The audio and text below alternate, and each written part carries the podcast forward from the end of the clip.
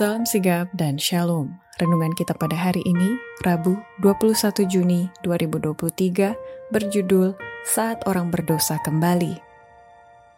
Ayat intinya terdapat di dalam Lukas 15 ayat 9. Dan kalau ia telah menemukannya, ia memanggil sahabat-sahabat dan tetangga-tetangganya, serta berkata, Bersukacitalah bersama-sama dengan aku, sebab dirhamku yang hilang itu telah kutemukan.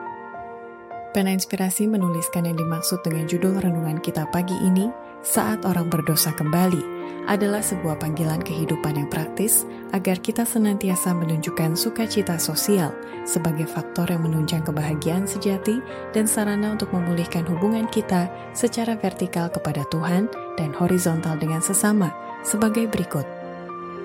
Pertama, sikap yang dikehendaki Tuhan dari setiap orang Kristen sejati saat orang berdosa kembali adalah menerima mereka dengan apa adanya dan bertindak sesuai terang yang telah diberikan dalam kata-kata pengharapan bahwa keselamatan itu berasal dari kuasa Roh Kudus.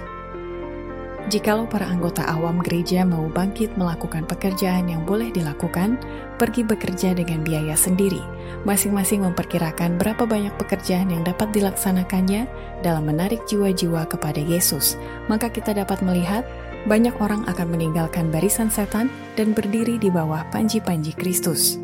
Jika anggota gereja kita bertindak sesuai terang yang telah diberikan dalam kata-kata petunjuk ini, kita akan melihat keselamatan yang dari Allah kebangunan rohani luar biasa akan menyusul. Orang-orang berdosa akan dipertobatkan, dan banyaklah jiwa yang ditambahkan ke dalam gereja. Kedua, sikap yang dikehendaki Tuhan dari setiap orang Kristen sejati saat orang berdosa kembali adalah kita harus dapat menempatkan Kristus dalam setiap tindakan kita sebagai saksi-saksinya yang hidup. Semua orang yang akan memasuki kota Allah selama hidupnya di dunia ini haruslah menempatkan Kristus dalam setiap tindakan mereka. Inilah yang membentuk mereka menjadi pesuruh Kristus, yaitu saksi-saksinya. Mereka memegang kesaksian tertentu yang sederhana melawan segala praktik jahat, mengarahkan orang-orang berdosa kepada anak domba Allah yang telah menghapuskan dosa dunia ini. Ketiga, Sikap yang dikehendaki Tuhan dari setiap orang Kristen sejati saat orang berdosa kembali adalah menunjukkan sikap berbahagia dengan menyaksikan jiwa-jiwa berdosa itu telah kembali karena ditebus oleh pengorbanan Yesus di salib Golgota. Allah bisa saja mencapai tujuannya dalam menyelamatkan orang-orang berdosa tanpa pertolongan kita. Tetapi agar kita dapat mengembangkan tabiat seperti tabiat Kristus, kita harus mengambil bagian dalam pekerjaannya. Agar dapat menikmati kebahagiaannya, yaitu kebahagiaan menyaksikan jiwa-jiwa tertebus oleh pengorbanannya, kita harus mengambil bagian dalam pekerjaannya demi penebusan mereka.